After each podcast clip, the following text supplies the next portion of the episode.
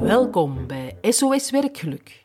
In deze shorties-reeks bespreken we allerlei uitdagingen op de werkvloer op basis van echte cases en reële vragen.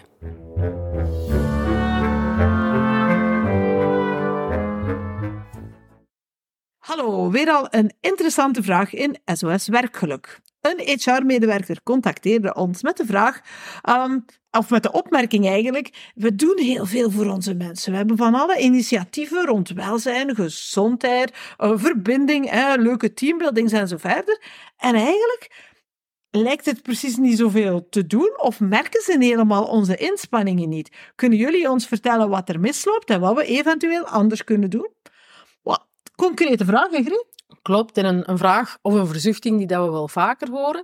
Want het is niet omdat we van alles aan het doen zijn, dat dat ook is, één, wat jouw werkvloer nodig heeft, en twee, dat jouw werkvloer dat ook opmerkt. Want heel vaak gaan we allerlei initiatieven nemen en uh, koppelen aan bestaande typische momenten van het jaar bijvoorbeeld. Blue Monday, om er maar eentje te noemen. Complimentendag. Voilà. hè. We gaan iets doen om onze moraal wat te boosten. Maar dat lijkt dan een losstaand initiatief. En ah ja, ja, dat is leuk. Maar de mensen die er echt nood aan hebben, die gaan vaak de tijd niet hebben, want ja, ik zit al op mijn tandvlees. En de mensen die er dan minder nood aan hebben, die denken, ah, een leuk extraatje, maar ja, wezenlijk vond ik dat nu niet. En ik denk dat we dat goed moeten counteren. Goed in kaart krijgen, dat is onze eerste tip. Ja, voor wie doe je wat je doet? En, wat, voilà, wat heeft die doelgroep dan precies nodig? Want jouw idee is goed en leuk voor jou, maar is dat wel wat jouw mensen zoeken? Mhm. Belangrijke vraag. Ja, ik denk een tweede aspect is heel belangrijk. Um, als je gaat bouwen aan, met leuke dingen en als je dingen gaat toevoegen, zit de basis wel goed. Um, het zou kunnen dat de processen, de procedures, de afspraken, um, de systemen, hè, ik denk aan computersystemen bijvoorbeeld, dat die niet optimaal werken. En dan zitten we op een heel basic laag. Hè. Dat is in de piramide van werkelijk de onderste laag van tevredenheid. Als mensen niet die basis hygiënefactoren hebben, ja, dan merk ik ook niet op dat er voor de rest moeite gedaan wordt door mijn welzijn. Want mijn grootste aandachtspunt hier in mijn brein is: het werkt niet, het werkt niet, het is niet duidelijk. En dan gaat eigenlijk daar alle aandacht naartoe. Dus dat is een tweede um, die wel echt meespeelt. Ja, het is niet duidelijk of het is zelfs misschien niet eerlijk. Hè? We verzuipen in het werk, we hebben extra hulp nodig, extra helpende handen. En die, ja, die, die, die worden altijd geparkeerd, want er is geen geld voor, maar er is dan wel geld voor teambuilding, bijvoorbeeld. En dat rijmt natuurlijk vaak niet in, in de hoofden van mensen. Hè? En dan horen wij van medewerkers dikwijls ook, hè, dus de verzuchting van HR is, huh, ze merken het niet, maar medewerkers zeggen dan, ze luisteren niet. En ja, daar zit dan weer die mismatch tussen wat hebben ze nodig, wat uiten ze, wat komen ze eigenlijk van noden bij jou op, op het bureau leggen en kan je die oppikken. En dan ga je wel, als het lukt, hè, en als je die dingen aanpakt, ga je wel succes hebben. Voilà.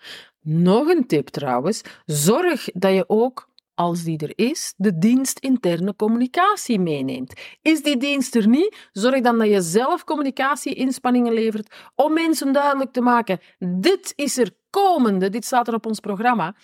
Dit is wat we nu aan het doen zijn. Mhm. Trek foto's, haal mensen even voor een camera als ze dat zien zitten. Of al is het maar één quote, maar geef mee wat zij vinden van hetgeen dat ze doen. En reflecteer eens of ook eens even, kijk eens even terug op wat hebben we nu de voorbije maand, voorbije kwartaal eventueel, gedaan rond welzijn, werkgeluk, om mensen eigenlijk ook duidelijk te maken van dit is één geheel. En al deze acties, ja, die dragen bij tot een beter algemeen welbevinden. Want het is niet omdat we van alles doen, dat mensen ook doorhebben wat er allemaal gebeurt, of dat mensen ook snappen, ah, dat is de reden waarom dat we dat doen. Dus communicatie, interne communicatie, heel belangrijk. En pst, dat kan ook afspelen op externe communicatie. Dan wordt dat weer interessant voor employer branding. Geef het maar mee. Goed, dat zijn, er, dat zijn er volgens mij vier. Als ik goed geteld heb, zijn het vier tips. Hè? Who's counting? Tip nummer één die ik alvast meeneem is: zorg dat je weet voor wie dat je het doet en waarom dat je het doet. Check of de basics in orde zijn en of er daar geen uh, ver, verborgen of minder verborgen um, ja, problemen zijn. Mm -hmm.